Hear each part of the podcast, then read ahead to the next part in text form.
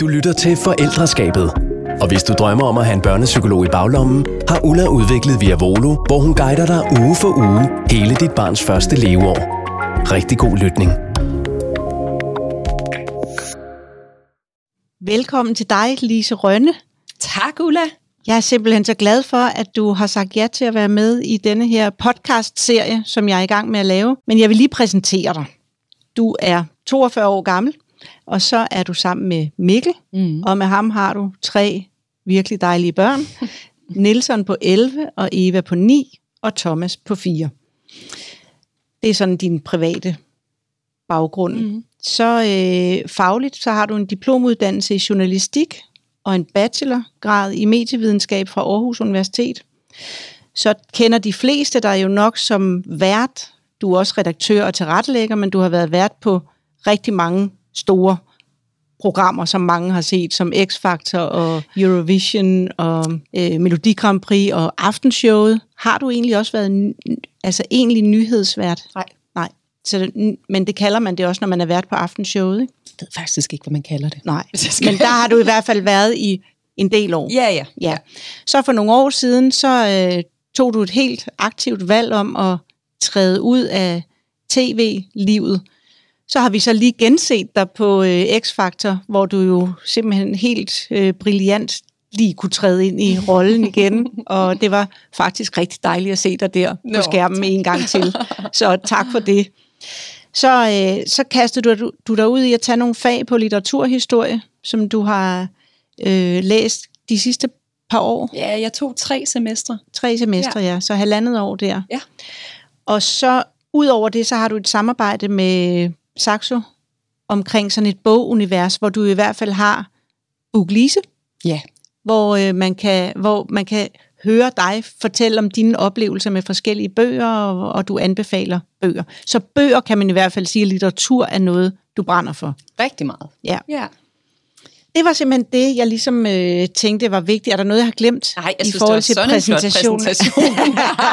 det var godt. Øh, men du er jo både, ligesom alle andre også, så har du både været et barn engang, og har haft nogle forældre, og så er du nu selv forældre. Så jeg tænker, om du har lyst til at sætte et par ord på, hvordan du selv er vokset op. Ja, øhm, jamen jeg er vokset op, altså øh, mine forældre blev skilt, da jeg var fire. Ja. Øhm, så det har jo været sådan, min barndom var, jeg boede ved min mor. Det gjorde man, det ved jeg sgu ikke, om man gjorde mere i gamle dage, delte det op, så man boede altså primært faktisk nok ved sin mor. Ikke? Så der boede jeg og jeg havde min base der, og så var jeg ved min far hver anden weekend. Ja. Og boede de langt fra hinanden? Nej, de boede i samme by.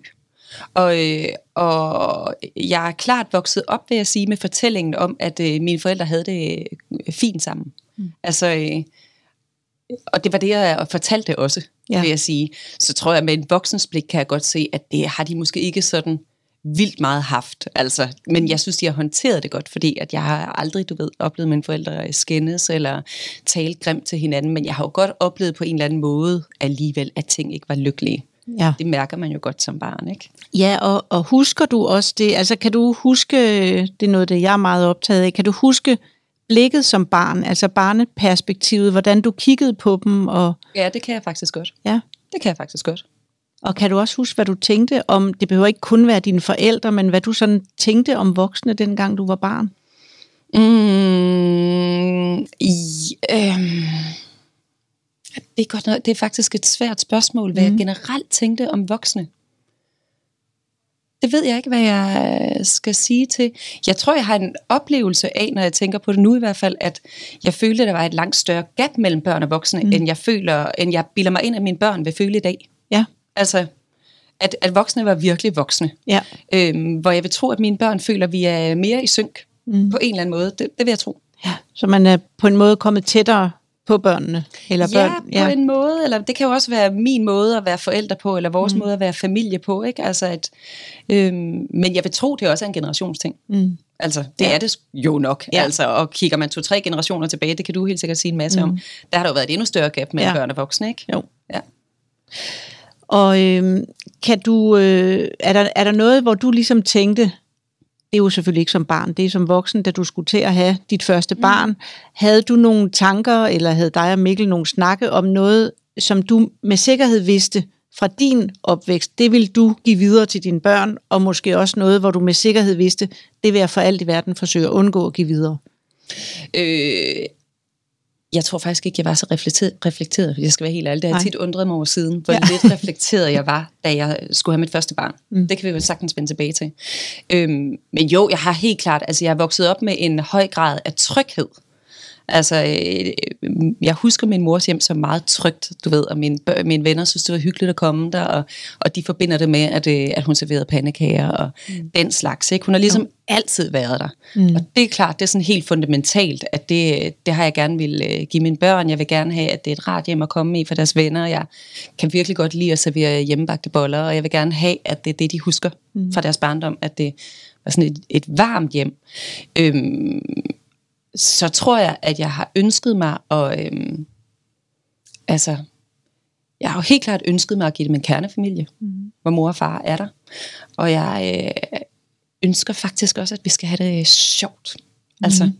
det er også en øh, værdi for mig, ikke? at vi skal lege, og vi skal grine, og vi skal joke, og vi skal være fjollede. Og, og øh, altså, fordi jeg nok alligevel også forbinder min egen barndom med en grad af alvor, og måske også lidt for meget alvor, og alligevel lidt bekymring og nogle ting, jeg har forstået som lille barn, mm. som ikke har været sådan helt, øh, du ved, øh, som, som ikke har været helt bekymringsfrit på en eller anden måde. Ikke? Ja. Altså, så på den måde har der alligevel været øh, noget alvor, som, som der jo gerne må være, men hvor jeg alligevel synes, det, øh, det har været vigtigt for mig, at vi øh, har det skide sjovt. Ja. ja, så det har I. Ja, det har vi ja. rigtig meget tid. Det betyder ikke, at vi ikke også bliver super sure på hinanden og har mm. konflikter og alle de der ting. Det skal vi nok vende tilbage til. Mm. Men, øh, men øh, ja, jeg synes, vi gør meget ud af faktisk at have det sjovt og sige ja til ting og ja. sådan noget.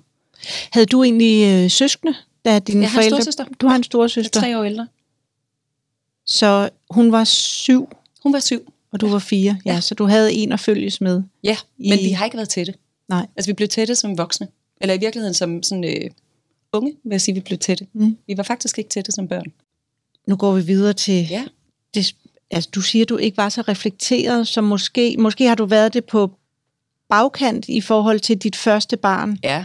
Øh, har tænkt over nogle ting, eller, eller kan du måske prøve at beskrive det der ikke så reflekteret? Altså kastede du dig bare ud i at tænke, vi skal have et barn, og ja. ja. Jeg vil vildt gerne bare have, jeg har altid vildt gerne vil have børn. Ja. Og du ved, og så gaflede jeg den her mand, og tænkte, nu kører vi med det, han er skønt, og så efter et halvt år var jeg gravid. Ja, fantastisk. Dut. Og øh, han havde aldrig tænkt over rigtigt, om han skulle have børn, altså han er ene barn. Jeg tror ikke, jo, han ville da gerne have børn, men han har slet ikke, du ved, haft den der drøm, eller tænkt over det. Nej. Øhm, men det havde jeg, og det tror jeg, at den, det udgangspunkt fulgte os nogle år. Mm. Øhm, så jeg vil sige, det der undrer mig, at vi ikke har reflekteret mere over, eller været mere, været mere modne omkring, det var at forholde os til balancen i vores forældreskab. Ja. Altså, og nu er jeg jo bravende feminist den dag i dag, men dengang, det må jeg simpelthen bare sige, det havde jeg ikke forholdt mig til. Nej. Og jeg tror, jeg kom ind i det her øh, forældreskab øh, på en helt vildt gammeldags måde, vil jeg sige nu, sådan som man ser det med, med, med de øjne, vi har i dag. Der er også sket vildt meget ja. øh, på det sidste, i det seneste 10, vil jeg faktisk mene på den front. Men, øh, men øh, jeg tror, vi begge to simpelthen har haft et par gammeldags sæt briller på. Altså, vi har været vores for, øh, forældre øh, at, at se på, og, og øh, været indlejret i en kultur, og der hedder sådan er far, og sådan er mor, og far arbejdede, og mor var på barsel, og, øh, og på en måde, som... Øh, hvor vi havde en kæmpe ubalance ja. i mange år. Øhm, og det var ikke godt. Og var det også en ubalance, der ligesom gik på, at du øh, sådan kl- klassikeren, hvor du følte, du vidste bedst, hvad børnene havde brug for? Mm, det ved jeg godt, man siger, og det tror jeg, der har været noget om, men, men jeg vil sige, jeg kan godt forstå, det opstår, for der er jo også et eller andet med, at man er jo så presset ja. når man er presset. Mm. Altså, og jeg var rigtig presset. Jeg havde det ikke så godt på min barsel, på min første barsel. Jeg har faktisk ikke været så glad for nogen af barslerne. Men mm. øh, især på den første var jeg ret langt nede på en eller anden måde, ikke? og ret ensom. Og, så jeg var så presset, og når man er presset på søvn, mm. og på øh, alt det, der følger i kølvandet på det, og måske også er ensom, og alt det der, så kan jeg jo godt forstå, at man bliver, kan jeg sige nu, mm. kontrolagtig omkring, at barnet skal spise. Ja. Barnet skal sove, for man har brug for en rytme, man har brug for en pause, man har brug for nogen. Og der er jo et eller andet med, hvis man er tættest på de der ting, mm. så ved man også, hvordan barnet fungerer. Ja. Og man har brug for, at det fungerer, for ellers så overlever man ikke. Sådan Nej. føler man. Så jo, der har været noget kontrol, men jeg har ikke... Jeg har, nej, jeg vil sige, jeg, jeg har hele tiden, hvis jeg havde kunne vælge, ville jeg hellere have haft, at Mikkel var rykket mere ind. Ja, altså, det lyder som om, at Det den... har jeg helt klart. Det var ikke med min gode vilje. Nej. Det var det ikke. Altså, og jeg kan sagtens tale åbent om det i dag, fordi mm. det er en fuldstændig åben snak ja. imellem os, og, og balancen har forrykket sig helt vildt, og mm. ellers så, så havde vi heller ikke kunne finde ud af at være en familie, tror Nej. jeg, fordi det ville jeg ikke have trivet i. Altså. Og hvordan og hvornår opdagede du, at du var i mistrivsel? Det opdager man jo, øh, jeg har opdaget det meget langsomt, vil jeg sige. Det er svært at sige. Jeg, øh, jeg opdagede det sådan, øh, altså vi nåede også at få barn to, og der synes jeg stadigvæk, at der var en ret stor ubalance, og man kan jo sige, jo, jeg var selv ude om det, i den forstand, at jeg gik ned i arbejdstimer, og du ved, mm. hentede børnene tidligt og alt det der, men samtidig havde jeg det sådan, at jeg vil ikke have børn på en anden måde. Mm. Og hvis jeg skruer max op, så skruer Mikkel ikke ned.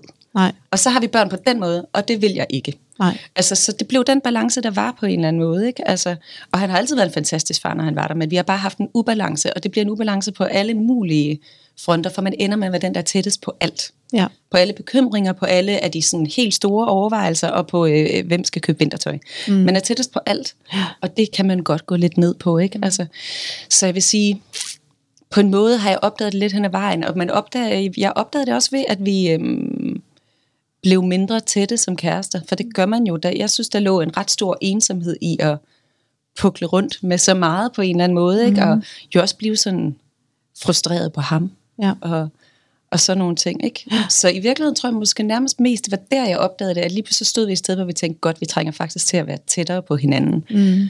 Og det er vi så kommet, altså, og har arbejdet ret meget på det, og øh, har fået et træerbarn, hvor balancen har været en helt anden, ikke? og ja. nu er den en helt anden. Og jeg skal ikke hænge ham mere ud, end at han har altid været fantastisk. Det var ja. ikke, han satte sine ben på dørtasken, men det har bare været, det er bare en erkendelse af, at, at, det, at man er den, når man er den, der er der flest timer, så er man også den, der er tættest på alle de ting, der skal forholdes ja. sig til. Altså. Ja. ja. Og kan du sige lidt mere om, fordi der er jo rigtig mange øh, forældre, der står i den situation mm. lige nu, som du beskriver. Mm. Og kan du sige noget mere om, hvad I helt konkret gjorde for at ændre balancen? Jeg ved godt, det er noget, mm-hmm. der mhm. både har taget tid, og altså, kan du bare sætte nogle lidt ord på det? Jamen, jeg vil sige helt konkret, at der meget, vi øh, faktisk ikke har gjort, for jeg er stadigvæk den, der er der mest, mm. og henter børnene mest, og det er et valg. Altså, det er simpelthen sådan, det er. Og der er også nogle ting. Han er iværksætter, og det vil være utrolig svært for ham at øh, skrue vildt. Altså, man skal også kunne have børn uden at arbejde 20 timer om ugen, ikke? men jeg har valgt at arbejde meget lidt. Mm. Jeg tror forskellen er i virkeligheden, at vi har samme fortælling omkring det, og at jeg føler mig utrolig set omkring ja. det af ham. Og at han har en stor taknemmelighed, og at vi fungerer meget øh, øh, varmt sammen omkring det. Jeg føler mig set ja. omkring det, ikke? Ja. Og så har han helt klart også, du ved, han er jo fuldstændig vild med at være sammen med sine børn og med vores familie, og vild med at være en del af beslutningerne og alt det der. Det, der føler jeg, at der er han rykket en masse skridt ind, og jeg har helt klart også sikkert, du ved, åbnet op på en ny måde og sådan noget, vil jeg tro. Altså. Ja, men øverst på listen står faktisk anerkendelsen af det, øh, at den balance. Ja. Ja. Det, det, altså det, at han siger højt, at han helt klart. og er taknemmelig vel også for de valg, du har det truffet. Det er en kæmpe ja. ting. Ja. Men jeg vil sige, altså nu skal du ikke blive alt for politisk, jeg vil sige, at jeg er gigantisk, gigantisk, gigantisk fortæller for, at man deler sin barsel. Ja. Altså jeg kan, slet ikke, jeg kan slet ikke se et eneste argument for, at man ikke deler 50-50. Nej. Altså jeg kan slet ikke se et eneste argument. Nej. Fordi alle kvinder i dag har en uddannelse og er på et arbejdsmarked. Altså, mm. Så det eneste, der sker ved, at moren har den, som vi jo ved, at moren har, ja. i langt, langt de fleste moderne familier, det er, at hun går ned med stress. Mm. Eller at, at, eller at man fjerner sig fra hinanden som forældre. Ja. Så det vil være mit øh, første råd til alle nye forældre, det er, at I skal simpelthen dele den der barsel helt. Ja. Der er intet argument for ikke at gøre det. Nej, og der er rigtig mange fædre, der også rigtig gerne vil, ja. men som ikke, ja. øh, altså hvor, det, det er hvor de det. ikke kan få det. Og så er der nogle møder, der siger, at jeg vil gerne have den barsel, jeg er ikke villig til at gå, gå glip af den, hvor jeg tænker, men der er sgu da meget, man gerne vil. Ja. Altså, men som man ikke får på den måde. Men hvis der er så meget at vinde på at blive en hel familie, mm. så skal man simpelthen gå med det. Ja. Ja. Det er et rigtig godt råd, Ja. synes jeg. Ja. Er det her noget, øh, du tror, du kunne være, have været blevet forberedt på? Altså det, nu, det her med ikke at have tænkt så meget over det inden, og bare, yes, mm, vi skal have et barn. Og vi, tror du, at øh, du ville have kunne være forskånet for noget af det, hvis du havde været forberedt på det, hvis nogen havde talt med dig om det, eller... Omkring det her specifikt med at, øh, at føle, at jeg stod med et stort ansvar, eller hvad Ja, stod med et stort ansvar og var endte med faktisk også i din barsel at være rimelig øh, ensom og ikke mm, have det så godt Mhm. og, og, og føle det sådan lidt var en kamp, eller du stod alene med det. Mm. Er der, er, tror du, det er noget, man kan forberede sig ud af noget af det? Eller? Jeg tror faktisk, det man godt kan forberede sig ud af, det er at øhm, virkelig tænke i fællesskaber. Mm. Altså virkelig øh, forberede sig på at være en del af nogle fællesskaber. Det tror jeg gør så meget. Og det var jeg ikke.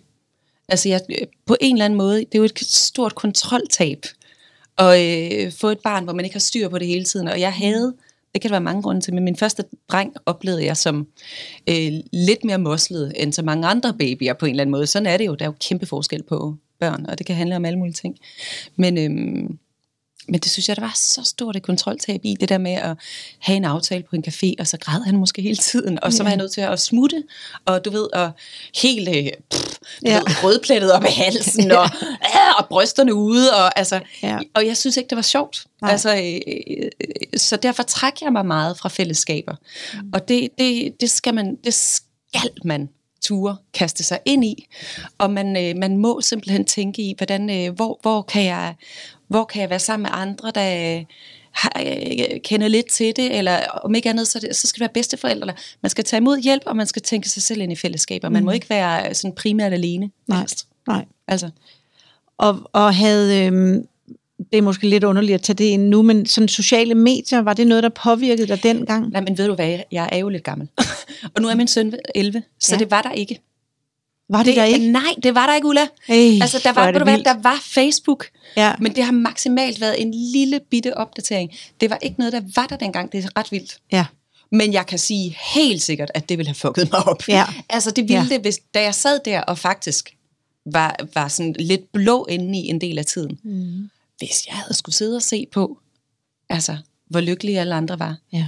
det havde ikke været godt for mig. Nej. Altså, så de der sociale medier, de skal slukkes. Ja. Det skal de, simpelthen. Ja. Altså. Og så må man være, skynde sig at melde sig ind i en mødergruppe, og det kan jo være hårdt nok, hvis alle andre virker til at have det lettere end en selv. Mm. Men øh, forhåbentlig er det ikke sådan. Altså det må man jo også appellere til, at vi, at vi du ved, åbner op for hinanden, og øh, Ja. ja. altså husker, at vi alle sammen har det forskelligt og sådan noget. Ikke? Det dur ikke at øh, male det op som noget, der er mere lyserødt, end det er, fordi det er godt nok svært for dem, der ikke har den oplevelse i hvert Ja, fald. ja. Og hvor, øh, det her med, at du egentlig ikke har haft det så godt under dine barsler, det har, vi, har jeg tidligere talt også med Charlotte, min partner mm-hmm. i firmaet, om, at hun ville egentlig gerne bare så hurtigt som muligt tilbage på arbejde, hvor hendes øh, mand så netop overtog barslen. Øh, der spurgte jeg så også hende, og nu spørger jeg dig, hvordan har folk taget, hvordan har folk taget imod det? Har det været noget, du har kunnet sige højt, og mm-hmm. er der en, Helt klart blandet. Ja. Altså, der er jo helt klart dem, sikkert der, hvor det resonerer i virkeligheden, som har sagt, hvor er det godt, du siger det. Fordi at jeg tror, vi har en oplevelse af, at der er en lidt lyserød fortælling. Det har vi jo for fanden. Ja. Og den er der, og den er der kulturhistorisk og litteraturhistorisk. Den er der jo bare. Mm. Altså, og moren skal synes, det er fantastisk at være mor. Ja. Det er jo sindssygt, det er jo vildt tabubelagt, mm. ikke at synes, det er fantastisk at være mor. Mm. Kun, i hvert fald, hvis man kun, ikke kun synes det. Øhm, så der er dem, der synes, det har været rart, men der er helt klart også rigtig mange, der har stillet sig undrende over for det, mm. som synes, det er akavet, når man siger det. ja. Det er der helt klart. Og hvordan er det for dig nu at sige det? Det er vigtigt for mig at sige. Ja. Men jeg har helt klart gennem tiden synes, det var akavet, og det var svært, mens jeg stod i det, mm. at sige det. Fordi det var der, jeg var i det, på en eller anden måde. Ja, ikke? der er det Altså, jo også bare sindssygt sårbart. Ja, præcis. Altså, hvor man jo... Det at være forældre er jo nok der, hvor man bliver mødt med allerstørst usikkerhed. Ja. Øh, og gerne vil gøre det allerbedst. Ja, ja. Øhm, Man er jo så usikker. ja. Og, og så så bare på alle navler, ikke? Alt bliver ligesom fremhævet. Ja. ja. Og man møder også alle mulige rigtig ærgerlige sider af sig selv Ja. i det der Ja. forældreskab. Og det er måske dem, der i hvert fald sjældent bliver sagt særlig højt på Ja. sociale medier. Ja. Så det, det mangler man. Men var du med i en mødergruppe? Ja, det har Eller været fædregruppe? Ja. Forældregruppe? Ja. Det har været alle tre gange. Men det synes jeg var, øh, altså, øh, på min første barsel der, som jeg som sagt synes var lidt svær. Ja. det, det, lø- det funkede ikke for mig, fordi jeg landede faktisk i en mødergruppe, hvor, øh, og, og, og det kan jo virkelig godt have været virkeligheden, men hvor de andre havde en god op, altså, synes det var let, og deres børn lå og sov, og mit barn lå ikke og sov. Så, øh, så rimelig hurtigt trak jeg mig. Ja. Altså, ja, det, det kunne jeg ikke finde ud af at være en del af, faktisk. Nej. Og det meddelte øh, du ikke til. Er det ikke sundhedsplejerskerne, der laver mødergrupperne? Jo, men de trækker sig ud af det. De sætter den op, okay. og så, så er de ikke en del af det. Men jeg havde en, øh, altså med min datter, som var barn nummer to, der, der var jeg en del af en mødergruppe gennem hele forløbet, og det var super dejligt. Ja. Ja. Og det, at øh, jeg ved jo, du i hvert fald tidligere har været ude og sige noget om, at du øh, oplevede, der hvilede et sådan særligt opmærksom, du skulle være særlig opmærksom nu, hvor du fik en pige. Nå, Kan du sige ja. lidt om det? Altså det tror jeg bare, jeg opdagede, da jeg sådan, øh, altså det var bare nye tanker for mig. Da jeg fik at vide, at jeg ventede en pige, der kunne jeg bare sådan registrere, at, at så allerede der havde jeg flere bekymringer. Mm. Eller sådan flere, tænkte flere ting frem. Hvordan bliver det, når hun bliver sådan? Hvordan bliver det, når hun får den alder? Og, øhm, og så vil jeg sige, så har jeg jo oplevet det som mor til en pige, at hun får, øh, hun, man møder en, øh, en anden respons, når man er pige i verden, og det er klart, jeg er opmærksom på det, fordi jeg selv er, har været pige og er kvinde. Mm. Min øh, kæreste har ikke opdaget det, fordi at han har ikke været det Nej. på samme måde. Ikke? Så, så gør jeg ham opmærksom på det rigtig meget. Mm. Men, øh, Det er godt, Lise. men det er jo noget med, at du ved, at øh, komme hen i børnehaven og få at vide, at få respons på sin kjole, og få respons for, på sit hår, og på, altså, øh, bare sindssygt meget respons på, hvordan man ser ud, og hvilken type man er. Ja. Og det får man ikke som dreng. Nej. Hvad for en type dreng er du? Men det får man meget, det, det møder jeg, har jeg bare oplevet meget med, ja. med min datter. Ja. Ja. Og det er jo noget omkring dig selv. Du var øh, jo for mange år siden ude i politikken, hvor og rette øh, en skarp kritik mod en, der havde skrevet noget om, at du vimsede i Ja.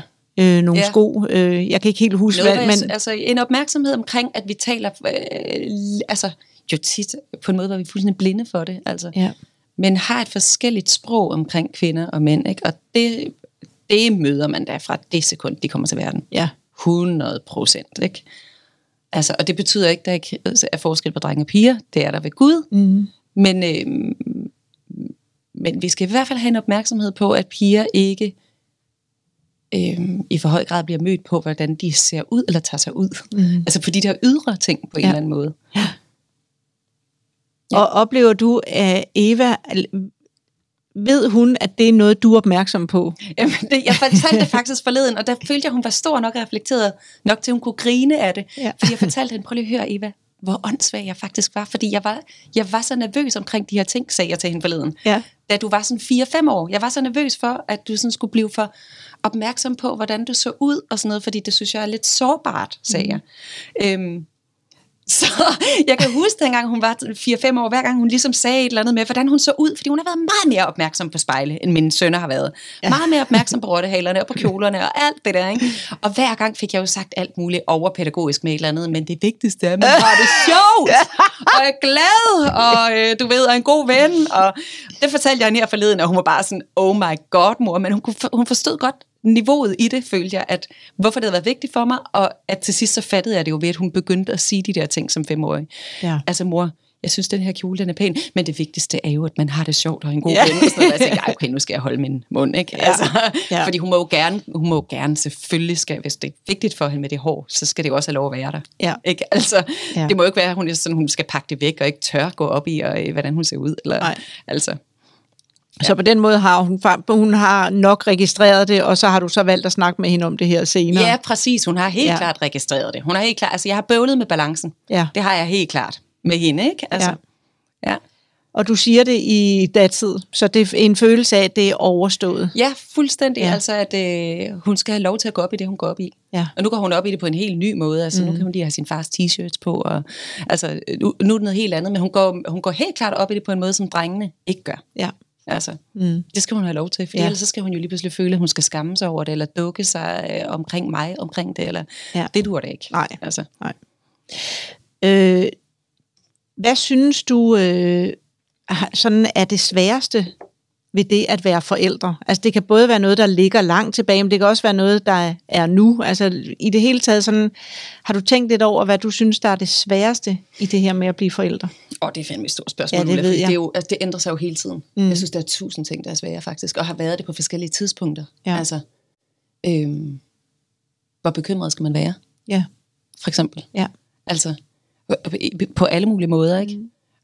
Mere lavpraktisk, hvor meget, øh, hvordan skal man dog håndtere alle de der skærme? Og du ved, altså man har jo aldrig det helt rigtige svar, man skal jo finde det i sig selv. Ja. Og, øh, og det kan man godt bruge noget tid. Det er jo en følelse af, at man asfalterer, mens man kører, ikke? Mm, Altså, ja. at, at man finder lidt ud af det hen ad vejen, og jeg synes, jeg, det, det er godt nok, øh, det skifter hele tiden, hvad der er svært, også på forskellige sådan, niveauer med de forskellige aldre og sådan noget, ikke? Altså, Så det her med at være nogle skridt foran og ligesom vide, hvad, det, det, det lyder som om, at noget af det, der er svært, ikke at kunne være det hele tiden. ja, det er jeg jo tit ikke overhovedet. Man prøver det jo for første gang med den ældste. Ja. Ikke? Altså, det gør man jo simpelthen. Ja. Men jeg kan jo mærke, og det er jo det, der er rart, man lander jo mere og mere i sin mavefornemmelse, så det er sj- meget sjældnere, at jeg øh, leder efter svaret i mig selv. Ja. På en eller anden måde. Jeg kan jo øh, helt klart mærke det på en anden måde nu, ikke? Altså, Jeg talte tidligere med Per Jules Jørgensen, og han sagde, at det, han mente, at øh, en af grundene til det i dag var sværere at være forældre, er, at der er ikke rigtig nogen paraply henover os. Der er ikke noget at gribe fat i og holde fast i. Man skal ligesom øh, ikke bare asfaltere, mens man kører, men man skal også selv finde asfalten. Altså man skal, der, der, er ikke nogen, der er ikke noget, der ligesom er givet. fordi det var givet på en anden måde i tidligere generationer. Ja. Ja, og man havde, der snakkede man tidligere, altså i hvert fald da jeg fik mit første barn, som er 30 år, der snakkede man om de her tre opdragelsesformer. Der var den autoritære, den Ja, demokratiske klart. og laissez-faire. Nu taler man ikke om nogen. Der er ikke en opdragelsesform, en opdragelsesstil. Opdragelse er nærmest et fyord, øh, fordi det lyder som om den voksne skal ind og bestemme, ja. og ja, og det er jeg jo meget stor fortaler for, at ja, det skal den voksne, Ja. men selvfølgelig ved at lytte meget til sit barn. Ja. Så det her med, at der ikke rigtig er noget at holde fast i, og der ku- kunne jeg egentlig tænke mig at spørge dig, har du haft noget, du har holdt fast i? Altså, hvad, hvad, har, hvad har du grebet fat i, når du har været usikker? Jeg har faktisk grebet fat i dig, Ulla. og det er ikke engang løgn. Øh, det har jeg ret meget. Jeg, da jeg var med små børn, har jeg også grebet fat i, øh, hvad hedder han? Jesper Jul. Ja, Altså helt klart også. Øh, ikke at jeg kan huske hele den der bog, men jeg kan jo huske det der med at anerkende barnets følelser og lære, øh, lære det og sætte ord på, hvor, eller forstå, hvordan det har det mm, i virkeligheden. Ikke? jo. Det har jeg brugt meget med mine små børn. Det har været super tydeligt, at det, at det har været godt. Ja. Øh, og ellers så øh, skal man jo være pilot for sit barn. ja. det er rigtigt. og det, det er så tydeligt for mig, at det er den rigtige vej for mig. Ja. Altså, det er simpelthen så tydeligt, ikke? Så øh, jeg, op, jeg, er- altså, jeg tager det jo som en god ting, når mine børn øh, siger til mig igen og igen og igen, at jeg er skrab. Ja. Jeg er jo ikke skrab, så jeg skælder ud. Det gør jeg meget sjældent. Eller det, det gør jeg nogle gange. Men, øh, men, øh, men, øh, men jeg tror, de synes, at, øh, det, at, det, at jeg er tydelig. ja. Altså. Og det kan jeg jo øh, også tydeligt mærke, er det rigtige for mig. Ja. Altså. Og for, sikkert kan du også se det på dine børn. Hvis du en gang imellem ikke er det, Ja. hvad der så sker. Ja. Altså man kan jo i hvert fald mærke, at inderst inde, der er jo modstand på, det er jo meningen, de skal øh, sparke tilbage og bokse og alt det der, når de får at vide, de skal i seng, og alt det der, mm. alle de der irriterende, irriterende konflikter, man tager dagligt. Ja. Men, øh, men det, giver, det giver jo en ro. Ja. Altså, det kan man jo sagtens mærke. Det giver jo en ro. Og det giver mest af alt, eller ikke mest af alt, men det giver godt nok også en ro i mig selv. Mm. At kunne mærke det. Ja. Det, det er jo sindssygt hårdt at være forældre, når man løber efter børnene. Og det har jeg også perioder, hvor jeg sådan, du ved, åh, hvor jeg føler, jeg har følt i perioder, at jeg skulle underholde dem hele tiden, eller lege med dem hele tiden, og det har slidt mig op, Ja. indtil jeg lige pludselig kom i tanke om, gud, kom nu, Ja. stå lige i dig selv, og, øh, og, og, og følg, hvordan du er nødt til at have det i dig selv på en eller anden måde. Ikke? Jo. Og det øjeblik, man ligesom retter op, så kan man jo godt mærke, godt, det giver mig ro, og det giver faktisk også dem ro. Ja. Altså. Ja. Og så kan man jo måske gøre det, min mor valgte at gøre med mig. Øh, hun skrev simpelthen ned alle de ting, som jeg i hvert fald aldrig ville gøre med mine børn. Og mine børn skulle aldrig have sengetider, og de skulle have grøn saftevand Ja. Og guldkorn lige så tit de ville. Ja. Og det fik jeg ligesom lov til at skrive ned på en seddel og på servietter, og fik jeg det leveret, da jeg fik børn. Ja. det var rimelig irriterende. Ja. Men øh, jeg kan i hvert fald huske, at jeg dengang følte, at der blev lyttet til mig. Altså, at jeg fik i, i det mindste lov til at, at skrive ned, at Ja, det ja. kommer jeg aldrig til at gøre med mine børn, eller Ja. det der skal de altid. Ja. Grøn saftevand og guldkorn, det er jo helt forfærdeligt. Det var Jamen, jo godt, hun sagde nej til. også tit, hvordan, ja. Ja. hvordan de kommer til at gøre det. Ja. Så det er jeg ikke i tvivl om. Åh, ja, så er det godt, at man lige lytter lidt til dem. Så synes jeg, apropos det der med, hvad der er svært ved at være forældre, noget andet, jeg sådan har været lettet over at mærke mine egne ben i sådan hen ad vejen, øh, er jo i virkeligheden også det der med, altså som jeg sagde før, hvor bekymret skal man være, altså hvor lang line skal man give dem? Ja. Altså i forhold til, hvor, øh, hvor meget skal man have styr på, hvad de laver, og hvor meget øh, tillid skal man give dem. Nu det er jo sådan, jeg framer det positivt, kan man sige. Nogle forældre mm. vil jo mene, det var uansvarligt øh, at lade børnene øh, gå selv hjem fra skole, når de er seks år gamle. Eller mm. sådan nogle ting, synes jeg har været ret øh, interessant at balancere i, og virkelig, jeg synes virkelig, der er stor forskel på, hvordan forældre gør det i dag. Ja. Altså det er en kæmpe stor skala, man har kørende der, i forhold til, hvor meget man ligesom øh, lader børnene gøre på egen hånd. Ja. Og der er jeg øh, helt klart landet der, hvor jeg synes, at de skal have lov til at gøre virkelig meget på egen hånd. Ja. Altså, øh, fordi jeg... Øh, jo, trafikken er jo farlig, og man skal grundlæggende stole på, at de godt kan finde hjem og kan finde ud af ligesom at, at kigge, øh, kigge sig for og sådan noget. Ikke? Men jeg synes, at det kan koste på en anden klinge øh, og give dem oplevelsen af, at man hele tiden skal have en øh, stram snor i dem Mm. på en eller anden måde. Ikke? Altså, det kan koste noget tro på, at, de kan, at man kan selv på ja. en eller anden måde. Ikke? Og det, det er faktisk noget af det, jeg møder mest af øh, i de her år, og i virkeligheden i en del år. Det er øh, begge sider af det, både forældre, som synes, det er meget, meget hårdt at have børn, fordi de gør alle de her ting for dem. Mm. Men jo så også børn, som øh, ikke har troen på, at de kan tingene. Og lige præcis det, du nævner med at færdes rundt i trafikken, eller kunne transportere sig selv rundt, er en af de ting, de nævner som noget af det, de, der virkelig kan give dem en god følelse af, at de kan finde ud af noget. Det er, når Ja. de kan tage Ja. det offentlige, eller man kan sige, for en god ordens skyld, kan jeg lige sige, for at kunne færdes alene i trafikken, anbefaler vi, man- at børn skal være 12 år gamle. Men det er alene på en cykel i trafikken. Mm. Og det er jo fordi, der, der kan de ikke bare sætte sig ind i, altså der, der, holder de, der kører de ikke bare over for grønt, de tjekker også, at dem, der skal holde for rødt, rent faktisk holder for rødt. Men når man går, kan man langt tidligere. Ja. Så det her med rent faktisk, at Charlotte sagde det i, en, i lidt tidligere, at man at børnene skal stå lidt på tær, for at kunne, altså at det er jo også det, der giver mm. succesoplevelserne, og dermed jo også et godt selvbillede Ja. og selvværd. Ja. Ja. Men jeg synes, at det er, det, jeg, det er ikke det, jeg møder mest forældre, der gør det. Så jeg tænker også, at når I gør det, så, så øh, må du selvfølgelig også indimellem blive usikker på, om du gør det for meget, fordi at, at andre måske kigger på dig, som om, er det, Helt er det klart. ikke lidt vildt at, Jo, jo. at lade ham gøre det, eller hende gøre det selv på det her tidspunkt? Helt klart. Øh, plus at jeg bliver jo usikker, fordi man fordi det er jo et kontroltab. Mm. altså, så det, man er jo usikker, når ja. ens børn bliver sendt ud i trafikken. Ja, ja. Men det er man jo nødt til at æde, Ja. hvis man tror på, at det er vigtigt på en eller anden måde. Og begge mine to ældste har i en alder af seks år sagt, i morgen går jeg selv hjem fra skole. ja.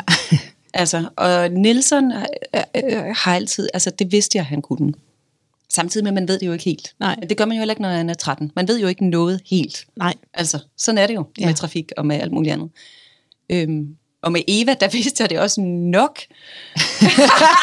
Men jeg vil sige, alligevel så fik hun sådan sagt øh, et par timer efter hun var kommet hjem, sådan, jamen hun var egentlig, lige pludselig hun gået et sted, hvor hun sådan, så kunne hun da ikke kende husene. Men øh, så vidste hun, hun kunne gå tilbage til tunnelen, og så bum, og så fandt hun jo hjem. Ja. Altså, Ja. og det, det er inden for øh, skiven Ja. ja. med mig. Altså, det, det går jo, Ja. ja. tænker jeg. Og jeg vil sige, det er en virkelig god ting at træne som forældre, fordi kan jeg så forberede dig på nu, at når de får kørekort, Ja. uh, ja, så er bekymringsknappen ja. Altså øh, på komfuret op på 6 Det kan jeg lige forestille en mig. periode, indtil de har øh, lært at køre bil ja. Ordentligt. Ja. Så det er en rigtig god ting, og det er vel nok trafikken, der bekymrer os mest næsten, ikke? og så det her med, hvem- de kan løbe ind i af, Ja, jeg tænker, der kommer mennesker. alt muligt, når de er teenager. Ja. ja. Præcis. Den lader vi ligge lidt. Ja. ja. Lise, har du nogensinde haft nogle oplevelser, hvor der har været fagpersoner, der har gjort dig usikker? Altså som øhm, i bedste mening måske har fyret et eller andet af, eller har gjort noget, hvor du som nybagt mor, og det er ligegyldigt om det er til nummer 1, 2 eller 3, er, er lige blevet, øh, hvor de rent faktisk har gjort dig usikker? Øh, altså det tror jeg helt klart. Mm, jeg vil i hvert fald sige, at man har godt nok en stor, øh, man læner sig så meget op af fagpersoner, mm. når man er nybagt mor. Altså fuldstændig vildt meget, ikke? Så øhm, jeg ved ikke, om jeg vil sige, at det har været at gøre mig usikker, men, men øh, altså med min, mit første barn der igen, der var det virkelig øh, svært for mig at få amningen op at køre. Og det må jeg bare sige, det har det været med alle tre børn. Mm. Og jeg har gjort alt. Øh, nu har tænkt, nu har jeg behov for at sige, at jeg har gjort alt, hvad man øh, skal. Spist og drukket og sovet, og øh, alt det der, man skal. Ikke? Mm. Og det siger jeg højt, fordi at jeg tror, der er så mange, der skammer sig over ikke at kunne amme. Fordi at det får man at vide, at det kan alle, og det er så vigtigt. Ja. Jeg, jeg har ikke kunnet det særlig meget. Øhm, men med den første med Nelson, der, øhm, der var der så massivt et pres fra omverdenen, følte jeg. Altså fra familie tæt på og sådan noget, der sagde til mig, at det var så vigtigt. Mm at jeg var klar til at gøre alt. Og der var der, vil jeg sige, der var en virkelig sød sundhedsplejerske, men som også pressede tilpas meget på, og som nok ikke så, hvor smadret jeg var, mm. tror jeg. Altså, så der kørte vi et hæftigt forløb med de der ja, åndssvage ammemaskiner, ja. pumpe, halløj, ikke? Uh, Og så mange gange i døgnet, og op om natten, og sidde og pumpe ud, og alt det der. Og det, det, og det gjorde jeg, fordi jeg fik at vide, at det var vejen at gøre det på. Og jeg tror ikke, hun på noget tidspunkt spurgte mig, øhm, eller lød mig mærke efter, om det var bedst at lade være. Nej. Og det kan jeg 100% sige nu, at det har været bedst at lade være. Ja. Altså fordi det, det ødelagde for meget der i starten. Der var slet ikke plads til at være glad. Nej. Eller øh, lidt udvilet, eller de der ting, mm. det kræver at kunne være i det på en eller anden måde. Så det var ikke det værd for mig. Nej. Det kan det være for nogen. Mm. Øhm, altså det kan måske ovenikøbet have været, have været med til at præge din første, det, altså det er jeg din barsel. på, ja. at det har præget min barsel, fordi det startede ikke lykkeligt. Nej. Altså det startede simpelthen med bare at være så hårdt og så bekymringsfuldt og, mm. og alt sådan noget. Ikke? Og, og der, jeg ved ikke, om det gjorde mig usikker, men der, på en måde skulle der have været måske åbnet, eller der kunne man med fordel have været åbnet op for at tale mere til min mavefornemmelse. Mm. Altså, hvordan, hvordan øh, har du det i virkeligheden? Og ligesom støtte min mavefornemmelse. Ja. Fordi den, er, den kan godt være svær at finde, når man er nybagt forældre, ikke? Mm. Og den er jo i bund og grund virkelig god at lytte til. Ja, ja. det er den. Og har der været øh, bedsteforældre egentlig hos... Har du oplevet, der var bedsteforældre, der har været inde og støtte og hjælpe, og, eller komme med irriterende råd? Eller, altså, der har hvordan? helt klart været lidt af det. Ja. det er jo, de kan jo ikke styre sig, de der bedsteforældre, vel? og de har primært været fantastiske. Ja. Men altså, så kommer der jo lige sådan... Altså, det gør der jo mm. alle mulige små gode råd om, da de havde små børn og sådan noget. Ikke? Ja. Og det er man simpelthen så sårbar overfor. Ja. Det er man simpelthen så sårbar overfor. Og jeg kan jo sagtens se, hvordan er det så, når man selv bliver bedsteforældre engang, så vil man have lyst til at komme med de der gode råd. Ja. Fordi man ser en ung mor, der måske er usikker og alt det der. Man skal godt nok passe på med det. Altså. Ja. ja. Fordi Ja. Og der er et godt råd jo altid at spørge, om folk vil have det gode råd, Nå, ja. inden man inden ja, man giver det, den er god. kan vi så sige, hvis der sidder nogle bedsteforældre ja. og lytter med. For der er så mange, der har gode råd, når, de, når det er noget med et barn. Altså også veninder og kollegaer. Altså alle har jo haft et lille barn, eller ja. mange har. Ja. Og kæft for der mange gode råd, og det er ikke nødvendigvis det, man Nej. har brug eller godt af. Og især hvis man står i noget, der er rigtig svært, ja. så, øh, er man, så vil man jo gribe fat i hvad som helst. Og det ja. kan jo så også risikere, at man så, hvis man får 10 gode råd, at man prøver alle 10 ting, som stikker i 10 forskellige ja. retninger. Så og man netop, sig selv. Ja. ja, og glemmer sin mavefornemmelse, og at det er selvfølgelig dig, der kender dit barn bedst. Ja. Uanset om du kun har kendt det en uge, så ja. er det dig, der kender dit barn bedst. Ja. ja. Lise, øhm, jeg kunne godt tænke mig også at spørge dig om, hvis du skulle hænge en huskeseddel op på dit skab derhjemme, mm. og også måske et, som andre forældre kunne have glæde af. Hvad skulle der så stå på den, eller de sædler? Det er ikke, fordi du kun må hænge en sædel op, men sådan, hvad, hvad er det vigtigste for dig at huske på som forældre? Åh, oh, Ulla, det er fandme et svært spørgsmål. Men det er jo fordi, jeg synes, der er godt nok mange vigtige ting. Men du må også godt sige flere ting. Lige nu har jeg 0. Ja. du, har lige, du har lige sagt det. Det tror jeg. Altså, jeg, tror, du har, altså, jeg synes lige, du har snakket meget om at lytte til sin mavefornemmelse. Jamen, helt klart. Ja. Var i hvert fald en. Øhm, Jamen, det er jo noget med, det er jo at lytte til sin mavefornemmelse, og så er det jo noget med hele tiden at finde den der balance, der lander rigtigt i en mellem, øhm, altså, at alt foregår med kærlighed, men man er altid den, der har styring. Ja. Altså, Ja. det synes jeg er sådan meget tydelig Ja. øh, ledetråd på en eller anden måde, mm. ikke? at man skal altid være den, der har styringen. Altså, Ja. øhm, Det synes jeg er et virkelig godt råd, vil jeg sige. Og så er du kommet med mange undervejs. Altså som at tale til styrken ved at udfordre børnene og give dem nogle, altså så de netop skal gøre lidt for at, at øh, nå de mål, de nu har. ja. Ja. Er der noget, du tænker, der var altså noget meget vigtigt, som vi slet ikke fik talt om, omkring Omkring dig og forældreskab? Ja, det at have børn. Mm. Ej, jeg synes altså også, vi har været omkring ret mange vigtige ting. Ja. Nej, jeg ved det sgu ikke rigtigt. Altså, jeg synes, det har jo været vildt, det her med at være... Nej, jeg ved ikke, hvad jeg vil sige. Jeg tror, jeg vil sige, jeg synes, ting har udviklet sig så vildt i de 10-11 år, jeg har været Mm. mor. Ja. Altså, at der har virkelig været fart på, både på det ydre plan, men i virkeligheden også, at det er jo også en gave, man får, at man bliver tvunget til at lære sig selv at kende. Mm. Altså, at, øh, som du også var inde på tidligere, at man, det er jo et spejl, der bliver holdt op hele tiden Ja. For en. Ja. Nu har jeg en på 4, en på 9 og en på 11, så det er på mange forskellige måder, ikke? Ja. Men man bliver jo hele tiden konfronteret med den, man er. Ja.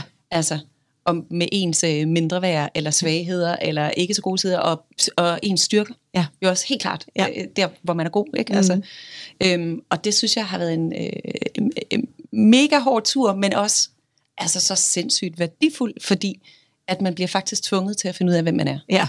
Børn Altså- har den vildeste bullshit-detektor. Fuldstændig. Ja. ja. Så det synes jeg har været en øh, stor gave, simpelthen at blive Ja. presset ind i min egen form. Altså, Ja. faktisk, ikke? Ja. ja.